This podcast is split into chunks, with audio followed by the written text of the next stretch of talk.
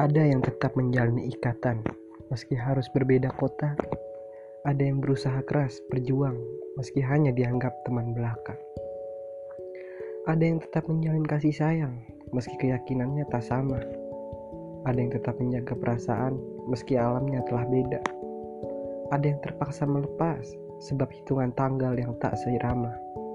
Hingga pada akhirnya sadar, kita hanyalah manusia biasa yang ingin berjuang atas cintanya meski patah hati telah menunggu di depan mata. Tidak usah terburu-buru untuk mencari, tidak usah terburu-buru untuk menemukan. Karena hidup perlu berproses, jatuh lalu bangkit, hancur lalu utuh, hilang lalu tergantikan. Hingga pada saatnya Anda baru memahami bahwa dari kesabaran selama ini adalah dipertemukan dengannya.